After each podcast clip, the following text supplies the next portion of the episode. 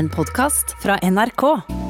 Nils Nordberg har levd av stemmen sin størsteparten av livet som en sentral skikkelse bak og foran mikrofonen i Radioteatret i over 30 år. Han var mangeårig president i krimforeningen Riverton-klubben, som gjorde han fortjent til Kongens fortjenestemedalje for få år siden, mens på 60-tallet så ble han TV-kjendis som deltaker i Kvitt eller dobbelt, for han er nemlig også Sherlock Holmes-ekspert. Drivkraft med Ruben Gran i NRK P2. Nils, hjertelig velkommen. Takk skal du ha. Eh, Jeg må innrømme at jeg kjente litt på prestasjonsangsten da jeg gjorde den introen der. Ja, Det gjorde jeg også. Ja, Gjorde du det? Ja, For å være helt ærlig. Ja, jeg tenkte- Og herlighet. Skal man leve opp til sånne presentasjoner som det der? Ja, Var det store ord, syns du? Nei da, det var ikke det. Det var vel ja, Var det, det var korrekt. Det var korrekt. Ja. Ja. ja. Si det sånn. Var det greit eh, fremført også? Når jeg først har eh, en Ja, stemmelegger der. Ja, du har en bra stemme. Ja, jeg snubla ikke en eneste gang, tror jeg. Nei, Nei, Så jeg var, jeg var heldig i dag. Ja. Akkurat. Ja, nei, altså ja, Og det er jo krevende med direktesending og alt det der. For da jeg begynte i NRK i sin tid, var det jo som såkalt hallomann, sendeleder. Og da gikk jo alt på direkten, og da hendte det jo at man sa ting man ikke skulle ha sagt. Og det var ja, ja Noen ganger kunne det være litt krise. Jeg husker jeg, jeg, skulle, jeg var på vakt en jeg var på vakt en fredagskveld, tror jeg det var. eh, Og skulle på lufta etter at vi hadde sendt Dickie Dick Dickens, en episode av den berømmelige serien som ble lagd før min tid. Eh, Og eh, der slutta det jo opptaket med at annonsørene sier 'slå på radioen neste lørdag, hør på Dickie Dick Dickens', og så skal jeg prøve å si at de behøvde ikke å vente helt til lørdag, for neste episode kom allerede på fredag. Og rota meg inn i en setning som jeg tenkte dette kom jeg ikke ut av.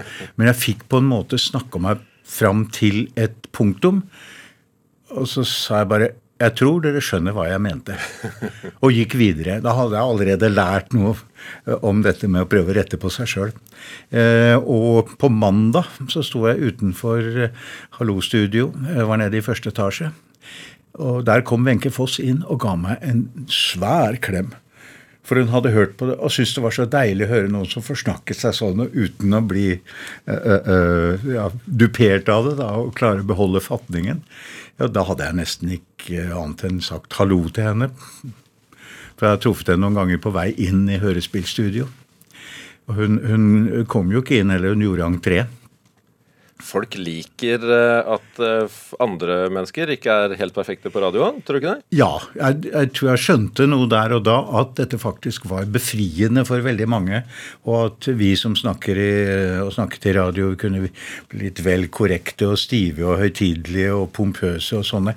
Så det var egentlig deilig når noen forsnakket seg. Og eh, en av de morsommere var jo også da en, en, en eh, sendeleder i Dagsnytt-avdelingen utannonserte Anton Bonn fra Blom. Vi hadde en korrespondent som het Anton Blom, som eh, re refererte fra Bonn. og, og det var en vits. Det, var en sånn, det- det ble sagt av og til for spøk, men noen ganger så glapp det ut på lufta. da. På den tida så kunne man jo faktisk si 'sendt er glemt'. Ja, man kunne det. Ja, Dette her blir jo arkivert og liggende for all fremtid. Ja.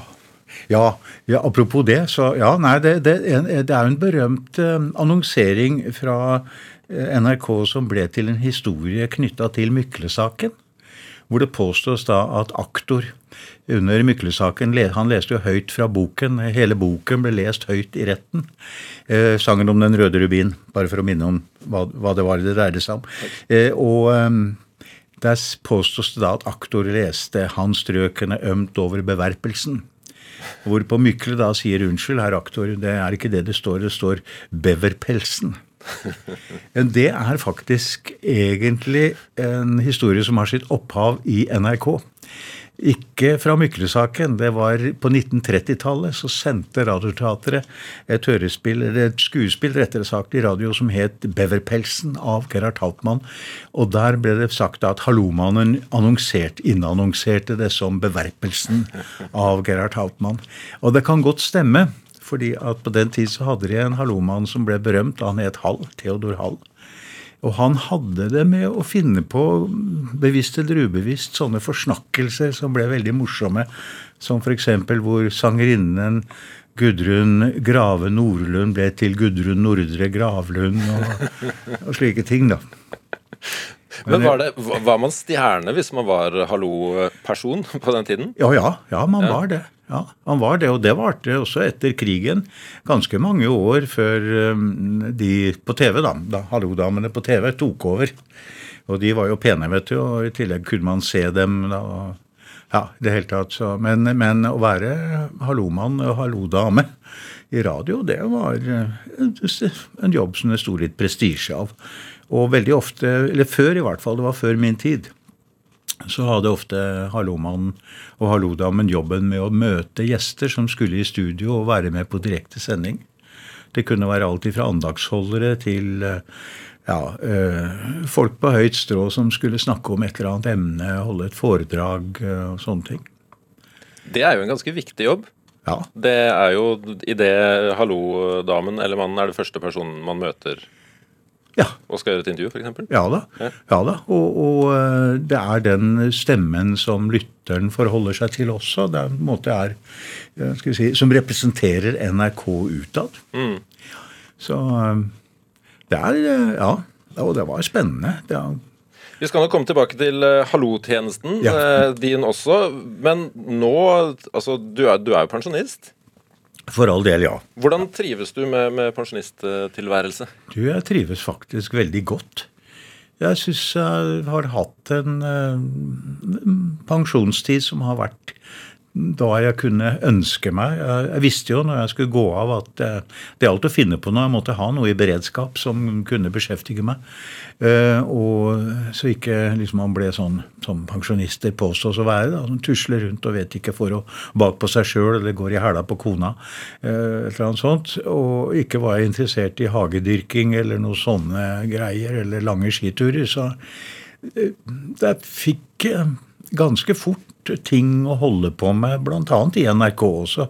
Jeg fortsatte jo som en stemme i NRK i mange år etter at jeg hadde slutta, og det er vel først de siste par åra at det ikke har vært så mye, mye av meg, for å si det sånn. og jeg, øh, når jeg har ledige stunder, og det har man jo, så leser jeg inn lydbøker for øyeblikket. Så du er ikke så pensjonert Jeg er ikke så pensjonert. i praksis? Nei.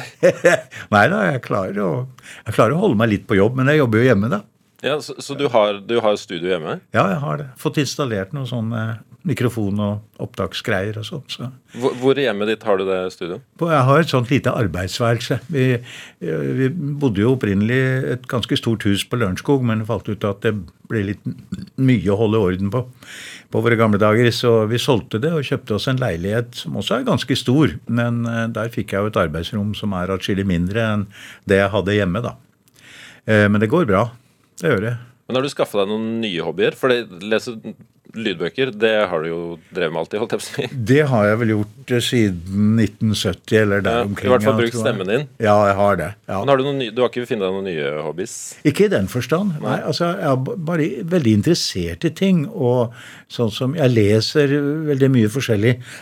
Jeg er ikke så flink til å lese vanlig skjønnlitteratur. Der følger jeg litt dårlig med, da. Uh, uh, liksom, jeg er ikke så veldig inne i Knausgård og og Vigdis Hjorth og sånn, men, men eh, jeg leser bøker om temaer, historie f.eks., som jeg syns er veldig interessant. Jeg, jeg abonnerer på et blad om astronomi. Det har vært noe jeg har holdt på med siden jeg var guttungen. Vært opptatt av stjerner og kometer og planeter. Og ja, hva skal jeg si? Jeg klarer å fylle tida. Jeg gjør det, altså. Er det litt sånn, Det slo meg nå at idet man blir pensjonist og får mye potensiell fritid, Mm. så har man mulighet til å vende tilbake til de tinga man brukte all tid på som barn. Ja. ja, i mitt tilfelle er det nok helt klart, altså. Og jeg kjenner mange som har det som meg. Jeg pleier å si at det er aldri for seint å skaffe seg en bedre barndom. Og at man da ja, For så vidt bør ikke vente til man er pensjonist heller. Jeg har jo hatt den lykke at jeg har kunnet holde på med ting som jeg vet interesserte meg da jeg var 10-12 år, og, og i jobben min. Og jeg veit at mange har misunt meg for det, som gjerne skulle ha gjort det samme. Så øh, Og, og jeg tror det er det dukker, det dukker ting opp, det gjør det sjølsagt.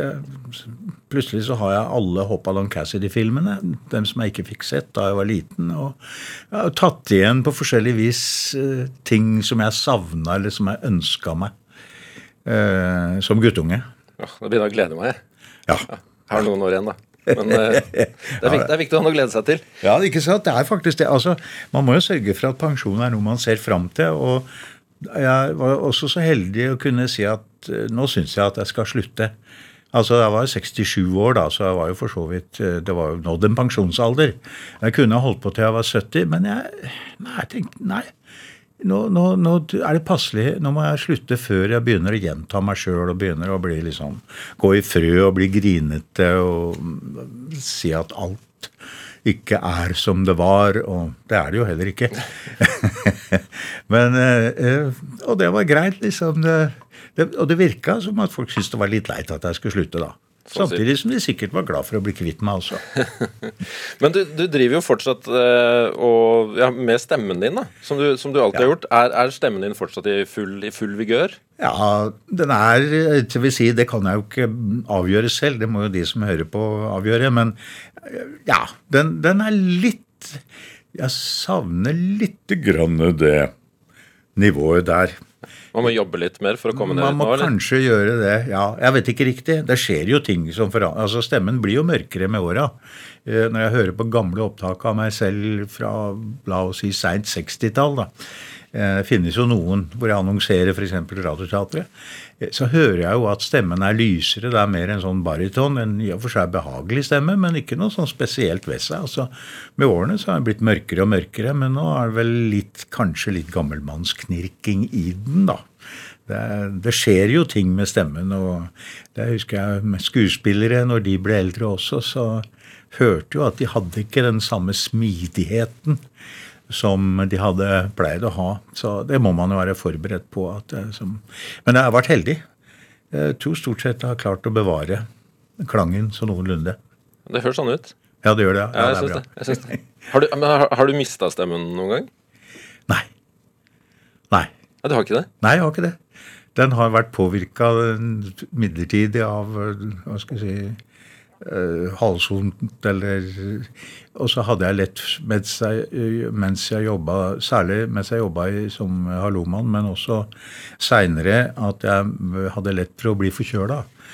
Og, og jeg jobb, mens jeg jobba i Radioteater, så var det ofte sånn at jeg, ja, jeg ble ikke ordentlig forkjøla før jeg var ferdig med produksjonen, eller før vi hadde gjort alle opptakene.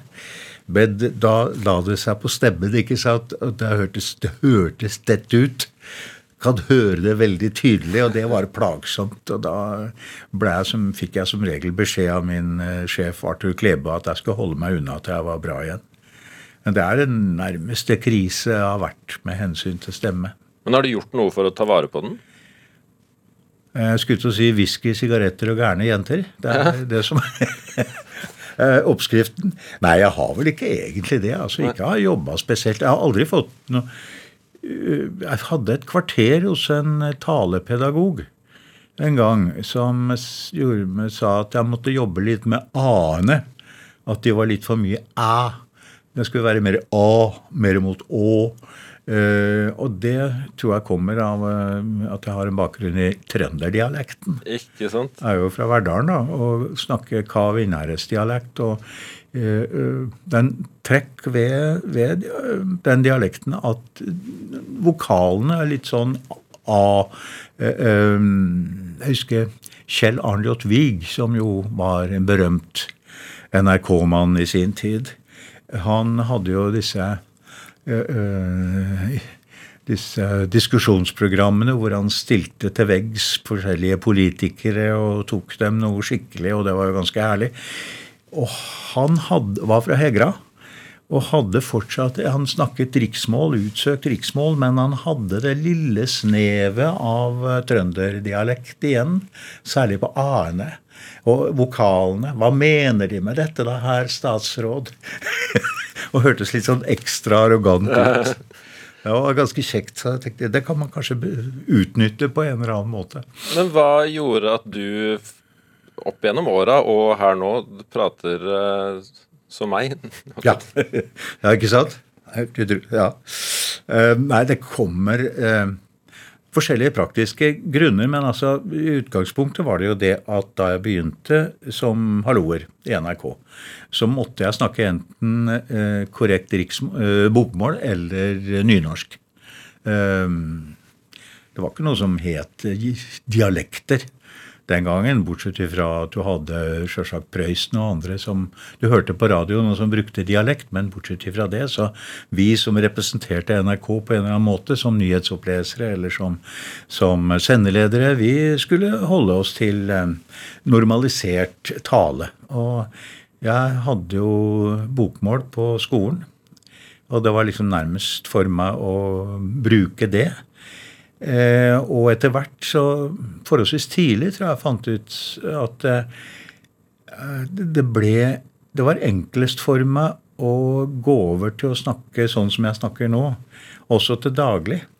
Og at dialekten ble liksom bibeholdt for finere anledninger. Eh, eller når jeg traff trøndere osv.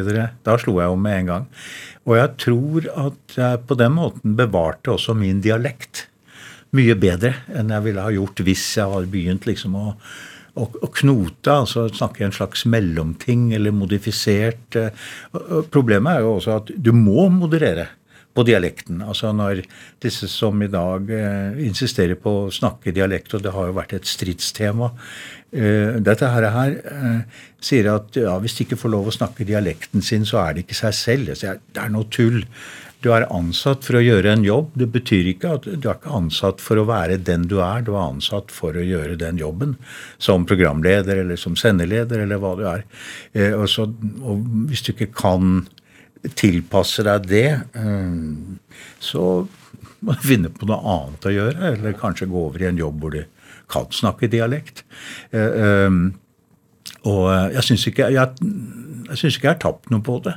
Og det er klart, Måten jeg snakker på nå, den er jo påvirka av uh, ja, også Lørenskog-dialekten. Jeg har bodd der i, siden jeg ble gift, faktisk.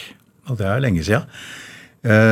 Så det føltes skal vi si, naturlig for meg. Men det kommer jo som en overraskelse veldig ofte når jeg slår om til trønderdialekt. Jeg husker jeg en som bare noen så storøyd på meg. en, Vi satt rundt et bord oppe i kantina, og da kom det en hverdaling som jeg da straks begynte å snakke hverdaling med. Eh, og han, han eh, som ikke hadde hørt meg gjøre noe sånt før, bare så storøyd på meg og sa jeg visste ikke at du kunne det. Men nå om dagen i NRK så, så, så, så oppfordres man jo til å prate dialekt. Ja, man gjør vel det. Altså, hvis man er, det er, det er Jeg er delt på dette her. her litt sånn blanda følelser overfor det, det må jeg innrømme. Men jeg er nok i prinsippet enig med uh, Finn-Erik Vinje. Uh, min gamle kollega hadde nær sagt, han var jo språkkonsulent i NRK i årevis. og, og, og hadde mye med ham å gjøre. Jeg spurte ham ofte etter råd. så i det hele sånn, det, han, Og han er jo tilhenger av at man av hensyn til folk som både ja, nå ikke minst folk som ikke er så stø i norsk, som er la oss si, flytta til landet og skal lære seg å bruke norsk. Eh, og også av hensyn til eh, dem som har trøbbel med å forstå enkelte dialekter, så er, skal man gjøre dem tjenesten å ha en normalisert tale som er forholdsvis grei å forstå. Og dette er jo noe man har gjennomført i alle kringkastingsselskaper. Eh, BBC er jo veldig strenge på det. Og de har jo nesten en egen BBC-dialekt, kan man si. Altså et offisielt språk som da er offisielt engelsk også. Når man øh, kan ikke si dannet engelsk, da. Uh, og ja, det er dialekter som rett og slett uh, ikke er enkle å forstå. altså. Selv for oss som snakker dialekt sjøl. Og jeg vet at min egen dialekt, når jeg snakker kav er det ikke bare lett å få med seg hva jeg sier, nei. Jeg veit det. Drivkraft i NRK P2. Yes, og det er Nils Nordberg som er dagens gjest uh, her uh, i Drivkraft. Uh, vi, vi, er dypt inne i NRKs dialekthistorie. historie, ja. Radioteatret, som jo virkelig var din arena her i NRK, ja. ble lagt ned for kort side, tid siden. Ja. etter 95 år. Kan du forstå det? Hva syns du om det? Nei, jeg syns det er noe godt tull. Å, ja. Altså, jeg, jeg, ser ikke poenget med det. Jeg, jeg ser poenget med ønsket om å fornye seg, om kanskje å nå ut til et yngre publikum. Det er et forbaska det ungdommen som man alltid skal ha i, i tale. Behøver vi det? Jeg er ikke så sikker på det. Men eh, jeg ser ikke egentlig hva man har tenkt å oppnå med det. Eh, og eh, jeg har hørt av eksempler Det, ble jo lagd en sånn grøsseserie etter påske. Den var i og for seg grei, den. Eh, men eh, jeg hadde samtidig en følelse av at eh, måten det var laget på At det nesten ikke har Det har ikke skjedd noe på de 50 åra siden jeg begynte i NRK omtrent. Altså at det, det, man hørte at det var et radioteater lagd på den litt gammeldagse måten med bevegelser rundt om i studio og gjenstander som klirra og trapper og jeg vet ikke riktig hva. Sånn som vi drev den gangen vi hadde analoge bånd før vi fikk digitaliseringen og alt dette her. Så i min aller første produksjon, som i 75, som var Sort messe, så husker jeg vi gikk ned trappa i Studio 21 og skrangla med ting og åpna liksom lik, likkister der nede i gravkammeret som vi hadde eh, tenkt oss at det var, da. Ja, nei eh, jeg, jeg, jeg, Da jeg var fersk i Radioteatret, da skal man alltid være litt rebelsk når man er ung og prøver å tenke annerledes og alt det der. Da hadde jeg et seriøst forslag om at vi skulle slutte å kalle det Radioteatret, fordi det er jo ikke teater vi sender. Vi sender radiodramatikk, hørespill. Og det er ikke det samme som teater. Ja, hvordan da? Det er på den måten at f.eks. på teatret så heiser du opp teppet eller drar det til side, så du kan se hva som foregår på scenen. I, i prinsippet så I radiodramatikken så spiller man jo med teppet for, men man gjør hva man kan for å skape et visuelt bilde som lytteren faktisk selv da produserer i sitt indre når han eller hun hører på. Og radioteater, alt med seg, eller hørespill, har jo mye mer til felles med film enn med sceneteater.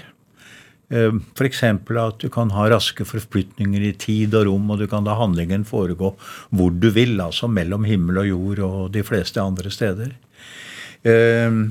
Så jeg tenkte at vi bør, vi bør komme bort ifra den der forestillingen om radioteater. Men så skjønte jeg etter hvert at det var bare dumt av meg, egentlig, fordi at Radioteatret var blitt et merkenavn som vi tvert imot skulle kjøre fram. Altså. Så jeg var med på da å Ok, nå kom, tar vi opp den gamle gongen igjen og smeller den inn og sier Radioteatret. Og liksom prøver å skape den der positive følelsen som jeg visste jeg selv hadde fra min barndom når jeg hørte på Radioteatret. Eh, og at det er liksom Ja, vi kan gjøre det til noe som folk syns det er gildt å være med på. Hva, hva var oppgavene dine eh, i hørespillsammenheng? Ja, i første omgang så var jeg jo der Jeg ble faktisk oppfordra til å søke. De mente vel at de kunne trenge en som meg, da, som hadde min bakgrunn, bl.a. at jeg hadde vært fem-seks år i radio allerede og var kjent i huset og alt dette her. Så en av oppgavene mine var å holde daglig kontakt med den tekniske gruppa, altså hørespillteknikk, som var en egen avdeling.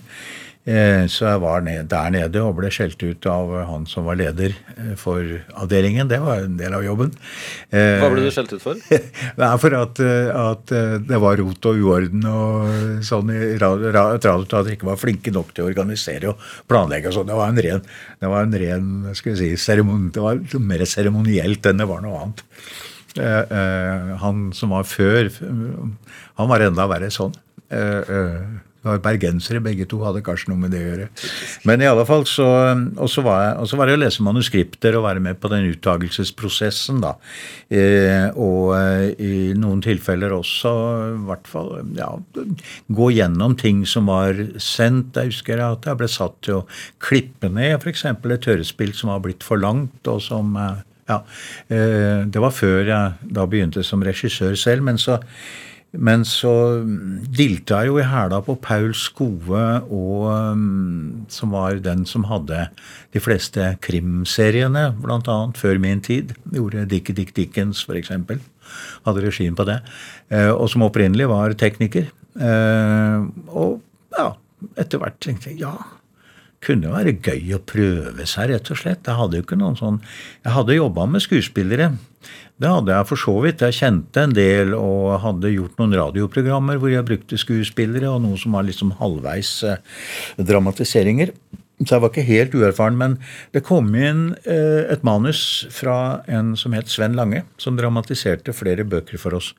Det var basert på en kriminalroman som jeg kjente veldig godt, og som var en av mine favorittbøker, og det var 'Sort messe' av John Dixon Carr. Eh, og eh, det var en serie på seks episoder. Og da tenkte jeg at det er nå eller aldri. Så jeg gikk til Gerhard Knop, som var teatersjef da, eh, og sa kan jeg få sette opp denne her. Og hvis det går gærent, så lover jeg at jeg ikke skal spørre en gang til. og til min store overraskelse så sa han ja. Enda jeg hadde jo ikke bevist noe som helst, og i motsetning til de andre i Radioteatret, de fleste hadde en bakgrunn fra sceneteatret, så hadde jo ikke jeg det. Så, og, og, jeg visste at Knop mente at man burde egentlig komme fra teatret til Radioteatret. Eh, men han, ok, han sa ja. Og så satte jeg sammen en gjeng av skuespillere som var folk jeg delvis kjente, bl.a. Bjarne Andersen, som eh, hadde vært min regissør på, eh, på Olsok-spelet på Stiklestad. Kanskje komme tilbake til.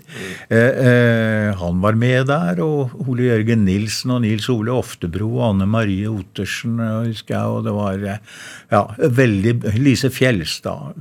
Veldig bra gjeng med folk, så jeg skulle føle meg trygg sånn. Eh, og så hadde jeg med et par veldig flinke teknikere. Åge Sandaker og Åsmund Flo, som lærte meg det meste om den sida av saken.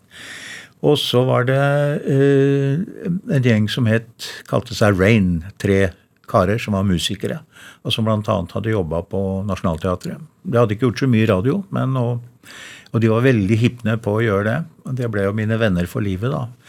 Eh, Egon Kjønig, Åsmund Fedje, Knut Heljar Hagen, som dessverre døde for tidlig. Men de lagde altså da musikken. Uh, og eh, da vi hadde gjort, spilt inn første episode, men uten musikk og uten en del lydeffekter som skulle på osv., så, så fikk jeg teknikeren til å klippe sammen den episoden. Og så tok jeg med meg båndet opp til Knop, og så sa jeg nå får du høre på om dette går bra. Og det var jo en sjanse å ta, men det hadde vært et stykke på en halv time med to medvirkende, men dette var altså seks episoder. Eh, og så hørte han på det. Ja, nå så, Ja, jeg syntes det var veldig bra, sa han. Ok. så gikk jeg ned, og så fortsatte vi.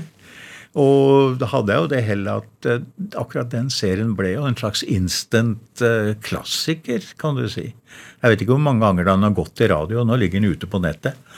Men jeg tror jeg i hvert fall sju-åtte ganger liksom, jeg sendt i reprise. og eh, jeg vet om folk som hadde fast rituale med å høre på den hver sommer. og Det var liksom, og det hadde mye sammenheng med den eh, Eller hva jeg si Det skyldes jo skuespillerne.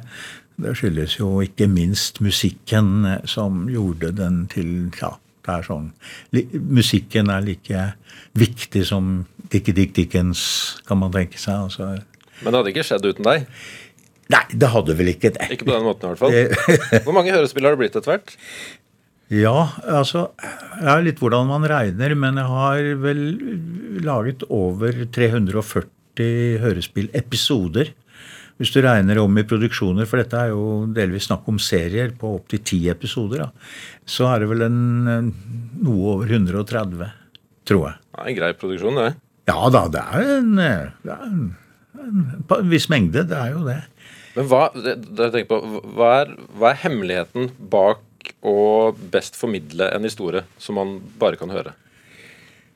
Det er vel å Det er vel å skape bilder i hodet på den som hører. Altså, da man begynte å lage hørespill i sin tid, så det aller første originalhørespillet det foregikk i en kullgruve hvor lyset var godt, så det var mørkt og det var blindt. Det var ingenting å se likevel. Så da mente man det måtte passe i radio. Saken er jo at det er få ting som er så tydelige som det man ser når man hører på radio, når man hører på hørespill. Eh, så mitt utgangspunkt, og det har nok sammenheng også med at jeg er Jeg har alltid vært veldig glad i film. Sett masse film. Eh, og at jeg prøver At jeg har prøvd når jeg lager hørespillene, så har jeg prøvd å lage noe som fungerer som en slags film for det indre øyet. Et sånt lerret som vi har oppi huet et sted, og kan se ting for oss. Og eh, det er jo en måte å Ja, skal vi si Elevert form for ljug, sjølsagt. For man påstår noe som ikke er der. Eh, men når man har truffet riktig, så, så tror jo folk på det. Hvor stort var hørespill eh, da du jeg holdt på å si, det var i din prime? fordi det, det var jo veldig mange år. Men la oss si på, på 70-tallet?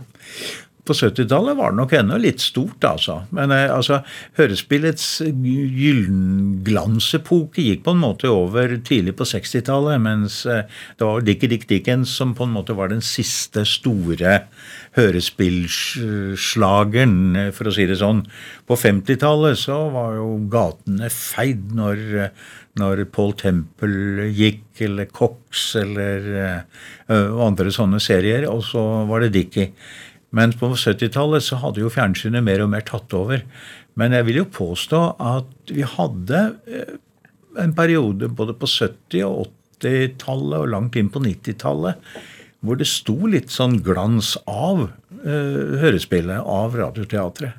Og uh, i hvert fall krimseriene hadde jo et ganske stort publikum. Det kunne være opptil 300 000-400 000 mennesker som satt benka og hørte på når de gikk på lørdagen. Og vi hadde de faste sendetida lørdag klokka to. Eller halv to var det vel opprinnelig, og så ble det klokka to. Og eh, en reprise som gikk til litt forskjellige tider. Eh, og eh, lyttertallene var slett ikke dårlige, altså. Så jeg vet ikke hva man har gjort siden for at lyttertallene skal ha blitt så dårlige som eh, de angivelig er blitt, da, og som er en av begrunnelsene for å nyskape ja, ikke Radioteatret lenger, da, men radiodramatikken. Men egentlig er det jo Når jeg hører på sånn moderne podkast og sånn, så, så, så, kjenner jeg Jeg kjenner meg igjen. Dette er fiksjonsfortellinger, eller det er dokumentarhistorier som vi alltid har lagd i radio. Eh, mer eller mindre avansert, sjølsagt, i forhold til hva vi hadde av eh, virkemidler og rover osv. Men jeg, jeg, jeg tror um, Jeg har vært med på en utvikling av um, hørespillsjangeren, av språket i hørespill, eh, som eh, det er litt synd om de skulle kaste vrak på. Altså, fordi at måten å fortelle historiene på gjennom eh, hørespillet, det utvikla seg veldig på, fra 70-tallet og utover. Og, og, ikke minst etter at du fikk digitalt uh, utstyr, sjølsagt også, da. Og kunne gjøre masse uh, i ettertid redigering. Så lenge vi hadde vanlige gammeldagse lydbånd, så var det veldig mange ting som måtte skje under opptak. Og det kunne være fantastisk spennende. For da måtte alt klaffe. Det kunne være et strekk på la oss si fem-seks minutter hvor det skulle skje masse. Og uh, lydteknikeren satt der med åtte båndspillere og to platespillere. og som skulle da inn på bestemte tidspunkter i handlinga osv. Jeg satt bak ryggen på han og bare fulgte med, sånn stiv i øya omtrent. Som, det var som å kjøre sånne ø, romerske ø, hestevogner, ikke sant? Sånn, sånn Ben Hur-opplegg. og det var den, den, den, spenningen der ble litt borte når vi fikk digitaliseringen og kunne sitte og småplukke og ordne sånn i ettertid. Og jeg syns vel iblant kanskje at det ble litt vel mye småplukk. Um, og, og, og, og lyd som da kanskje like gjerne nesten kunne være fra en TV-produksjon eller en film. Men det er utrolig hva lyd kan formidle, altså. Og hva du kan formidle med veldig enkle jeg mener, ja, Ta en enkel ting som måkene. Når du hører måker på radio, så tenker du sjø ikke sant? og ser for deg båter og skjær og bad, glade badegjester og sånn. Og sannheten er jo at liksom, måker kan du like gjerne treffe på på fjellet. Men det er ikke den assosiasjonen du har. Jeg merker her nå, Det hadde vært så flott å bare hatt for hånden masse av de lydene og lagt under deg, men ja, ja. jeg har ikke det. Vi får kjøre den her isteden. Du hører Drivkraft i NRK P2. Og her er det Nils Nordberg som er dagens gjest. Som har vokst opp uh, i Verdal. Ja, ja, men så. Ja, født der i 1942, er det riktig? 1942, Våren 1942. Yes. Ja. Har du Da var det jo, da var det jo krig? Da var det krig. Har du noen minner av, minner av det? Ikke fra sjøle krigen, annet enn kanskje en slags vag, ubestemmelig uro. Jeg vet at jeg var et, etterpå at jeg Krig var noe fryktelig skummelt noe. Jeg, likte ikke å høre snakk om det, det var, men det var vel det at liksom, de voksne eh, smitta jo selvsagt over på, men sånn i den forstand altså, jeg har en slags forestilling om at jeg en gang stabba i hæla på en tysk offiser. Og det kan stemme fordi at eh, det var noe, en eh, tropp eh, tyskere som rett og slett okkuperte låven vår. Det var jo et lite småbruk, dette her. Og så skulle de ha en øvelse, om, sånn sambandsøvelse. Og der var det både menige offiserer, og at det var denne offiseren som gikk bratt i ryggen. og jeg kom etter og ropte 'pappa'. av en eller annen grunn. Og ifølge mine foreldre da, så ja, så plukka han meg opp, og så bar han meg bort til mora mi, som sto der forskrekka og så på, og sa 'Jeg har sagt pappa'. Veldig stolt. Eh, men eh, det, min første klare minne det har jeg kunnet datere til våren 1945. Da sto vi ute hele familien. Det var to familier i samme hus, pluss min bestefar. Eh, og det var under denne gullregnen som vi hadde nede i hagen vår, og så opp på himmelen, for den var full av fly hundrevis, eller i hvert fall sånn som jeg ser det for meg i dag. Og det er et veldig klart minne jeg har. Jeg ser disse flyene, eh, og de var alle sammen på vei mot ja, sør-vest. Og det var sannsynligvis en form for Det var vel evakuering som pågikk. altså Det var både allierte og tyskere som skulle fra Norge. og øh, Jeg husker stemningen var veldig god. Så det betydde jo sjølsagt at krigen må ha vært over på det tidspunktet. Og alle var lykkelige og glade og sånn. Jeg husker ikke at faren min øh, gikk i dekning de siste 14 dagene av krigen. Da var han borte. men det det husker jeg ikke. Søstera mi, som er eh, sju år eldre, hun husker jo sånne ting mye klarere. Men akkurat dette minnet her, også fordi at det kom et fly som jeg ser for meg som en rakett, men jeg tror det var fordi at vinkelen gjorde at jeg så ikke vingene. Jeg så bare det der torpedolignende skroget, ikke sant. Og det kom ganske lavt, for de så oss jo så nok at vi sto der.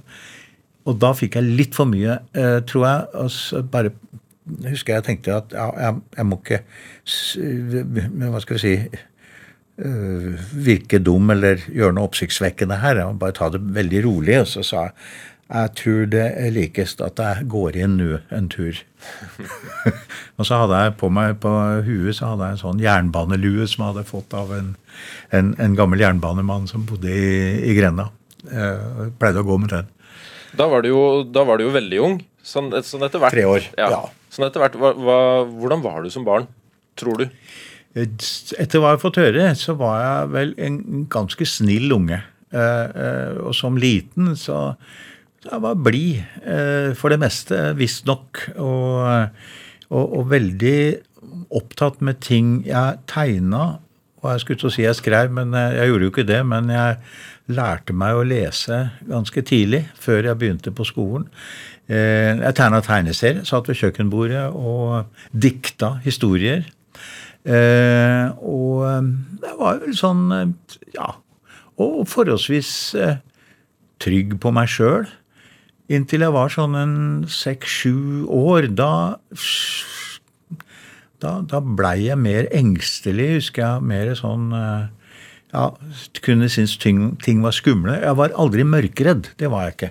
Og der hadde jeg et overtak på kompisene.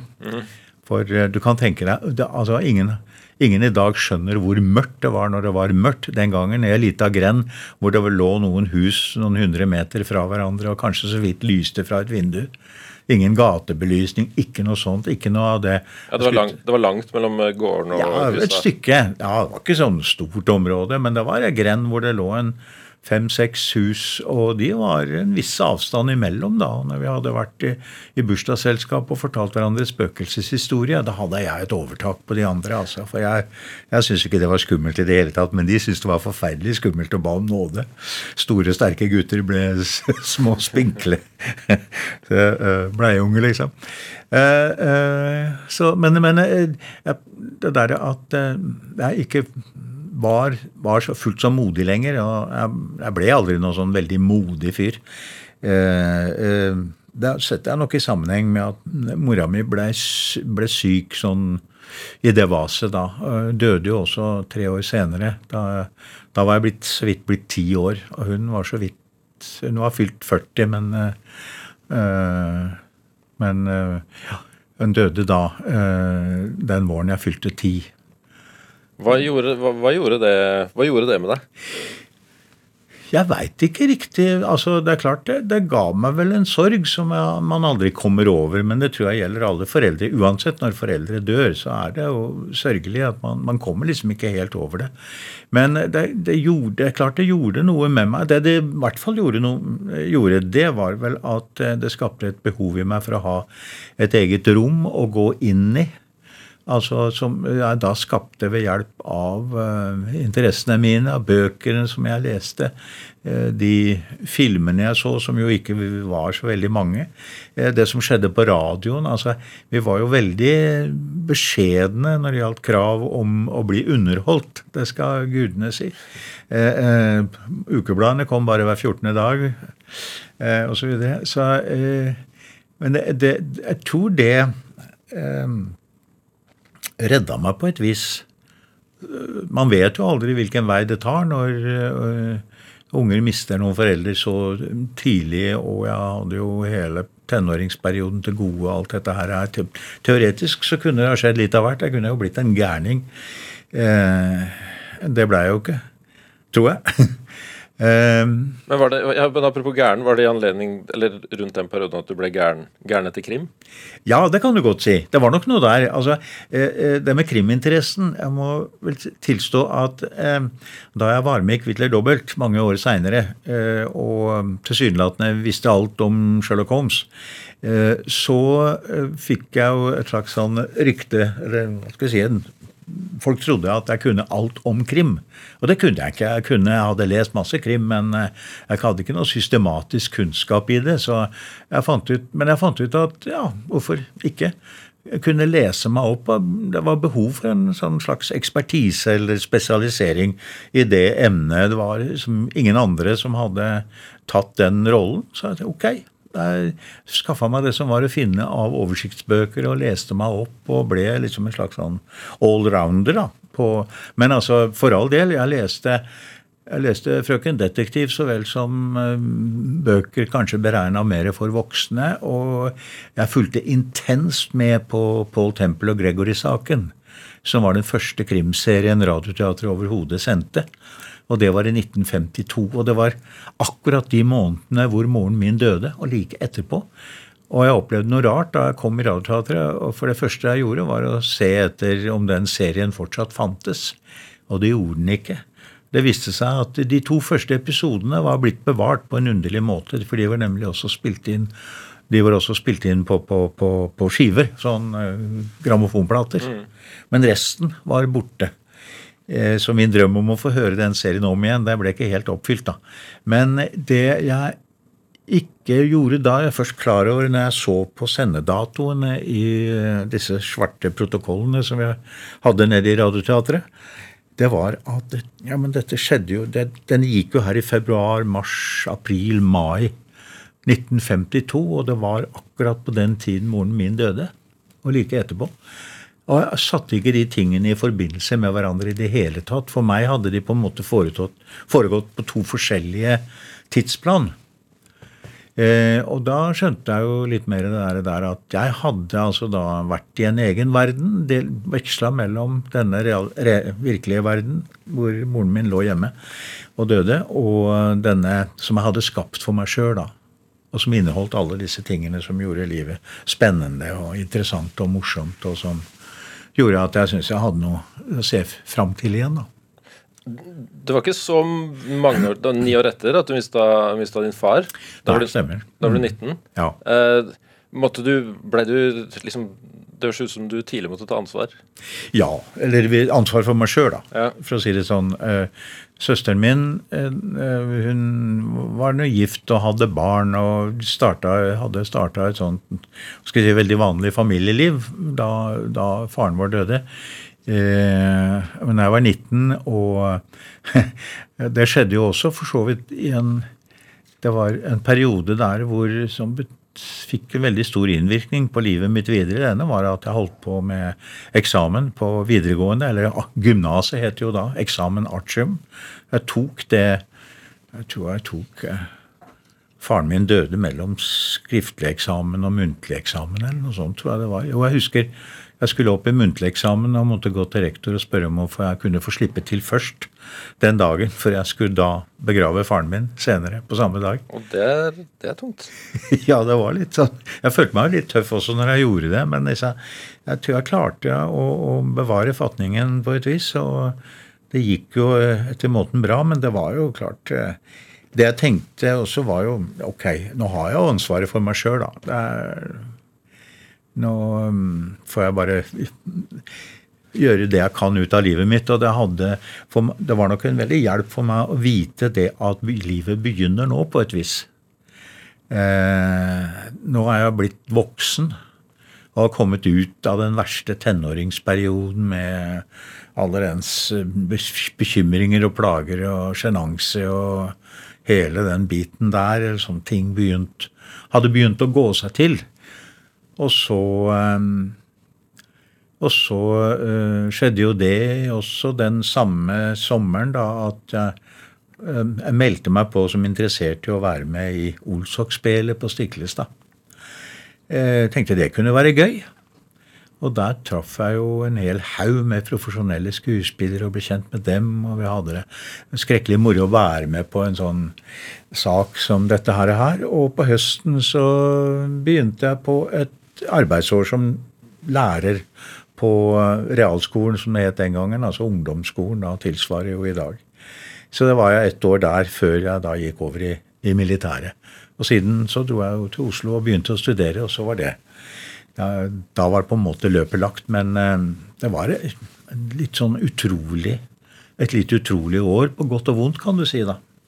Eh, apropos uh, utrolig, det, det, er ikke alle som, et, som husker kvitt eller dobbelt, tror jeg.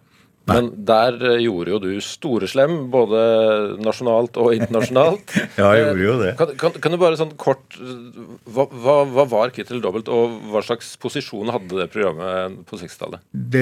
Kvitt eller dobbelt var stort. Det, det starta jo 62-63 eller noe sånt, tror jeg, første sendingene gikk. Og det var jo et program hvor for folk som da hadde fantastiske kunnskaper i forskjellige emner, vanlige mennesker, kan du si, ikke spesialister. Dette skulle være ja, øh, det skulle være vanlige folk som da hadde bare hadde, var glødende interessert i et emne. Uh, Gunnar Hårberg som uh, programleder ble jo rikskjendis. Og så gikk det i gang høsten 66 med en ny runde med Knut Bjørnsen. Og jeg ble mer eller mindre dratt inn i det eh, ved at jeg hadde vært med i et eh, sommerprogram det, det året, i 66, som het Øyenvitne. Eh, og det gikk ganske bra. Og der var Andreas Diesen, jeg må nesten få nevne ham, det, som, som, var inspisient, eller som var programassistent, sa det, skal ikke du melde deg på Kvittle Robert? Vi skal ha en ny runde nå i høst. Så, ja, liksom. Ja, kanskje det. Hva skulle det være, da? Jeg var liksom ikke uten videre tent på den tanken. Så, så sa jeg ja, kanskje Sherlock Holmes, da. Ja, ja, ja, sier han. Det er et fint tema. Og det ville de visst gjerne ha. Og eh, jeg måtte jo, det måtte søkes for at jeg skulle få lov til å være med. Fordi at, at jeg jobba jo i NRK allerede, men som vikar. Så de, Underholdningsavdelingen sendte en søknad til NRKs styre og spurte om de fikk lov å ha meg med likevel, for det var nemlig ikke lov å ha med NRK-ansatte i sånne konkurranser som NRK arrangerte. Og Styret sa ja, og så ble jeg med, da. Og Det var, gikk jo ut på at man starta jeg husker ikke, det var 125 kroner som var det laveste, tror jeg, og så dobla man Det var derfor det het Kvitler dobbelt. Man kunne slutte når som helst, men man kunne gå videre. Eh, og til slutt så endte man opp på 10 000, da, som var det høyeste beløpet. Og det tilsvarer over 100 000 kroner i dag, så det var, det var penger, altså. Men hvordan husker du, var det vanskelig? Nei, jeg syns ikke det. Nei. Nei. Og, og, og, jeg var heller ikke spesielt stressa av det. Altså, Jeg hadde en del eksamenserfaring. Det med å være oppe til muntlig eksamen og en del sånne ting. Så, så jeg var ikke redd for den situasjonen og presterte noe når, det, når jeg skulle huske. Jeg syns heller ikke spørsmålene var spesielt Eh, krevende. Eh, jeg skjønte jo at for alle andre så ville det jo virke veldig imponerende, da. Det er klart. Eh, og jeg hadde heller ikke noe prestisje på om jeg kunne klare det eller ikke. Altså, ikke jeg hadde klart det, så ok, det var gøy å være med så lenge det varte. Men så gikk det jo bra, da. Og så året etter så ble det arrangert en konkurranse mellom Norge og Sverige hvor mestere fra det ene landet møtte utfordrere fra det andre landet. Og jeg ble utfordra av en eh, veldig hyggelig svenske som het Ted Bergman. Og da var det 10 000 svenske kroner, som den gangen tilsvarte 14 000 norske. Eh, det dreide seg om. Og eh, så gikk det bra en gang til, da. Jeg hadde en ærlig talt forventa å bli slått av Ted Bergman. Jeg husker jeg tenkte til og med at det var jo synd han ikke klarte neste utslagsspørsmål, for vi måtte altså over på utslagsspørsmål. Det var jo for dumt at han ikke klarte det. Men eh, det var jo kjekt, da. Vi ble jo gode venner, ja, i alle fall. hva, hva, var følgen av det for deg? Måtte du skrive autografer? Eh, var det hylende ja, småpiker? Nei, det var ikke som i dag. Men, eh, det er, det er kanskje veldig naivt å si det, men jeg skjønte ikke egentlig hvor stort dette kunne oppleves utenfor. altså At han plutselig var sånn verdensberømt i Norge. Og det gjorde meg også litt sky. Jeg var også litt sånn, eh, hva skal jeg si, litt usikker på hvordan jeg skulle takle dette her. Så jeg ble ganske flink til ikke å legge merke til at jeg ble lagt merke til. Eh, men, eh, og, og jeg ble også veldig oppmerksom på at jeg ikke hadde nådd mitt livs høydepunkt, som mange trodde. I en alder av 24 år så jeg liksom, hadde jeg oppnådd alt man kunne ønske seg av livet. Det var ikke der jeg skulle videre. Jeg, skulle, jeg visste ikke hvor, men jeg visste bare at jeg skulle videre. Eh, men, og jeg må ærlig si at jeg, nå er det tydeligvis unge mennesker fullt klar over hva det betyr å være på TV, og de er villige til å gjøre hva som helst bare for å for å, for å komme på TV og, og, bli omtalt og berømt og alt det der. der. Eh, jeg tenkte ikke sånn, altså, men det, det gikk jo opp for meg etter hvert at det var, det var, ikke noe skade at folk visste om meg, og at jeg fikk spørsmål om å ja, gjøre jobber på det ene og det andre. og Jeg fikk brukt meg sjøl på forskjellig vis. og Bl.a. dette med å bli liksom en slags krimekspert. da, Det var jo en, en følge av dette her. Ja. Eh, som du snakka om i stad, på radio så kan vi jo spole fremover både hit og dit eh, som vi vil. Så ja. med det så spoler vi frem til nå, eh, fra, fra 60-tallet. Ja. Eh, leser, du, leser, du, fortsatt eh, mye krim? Ny krim? Ja da, jeg leser en del. Jeg gjør det.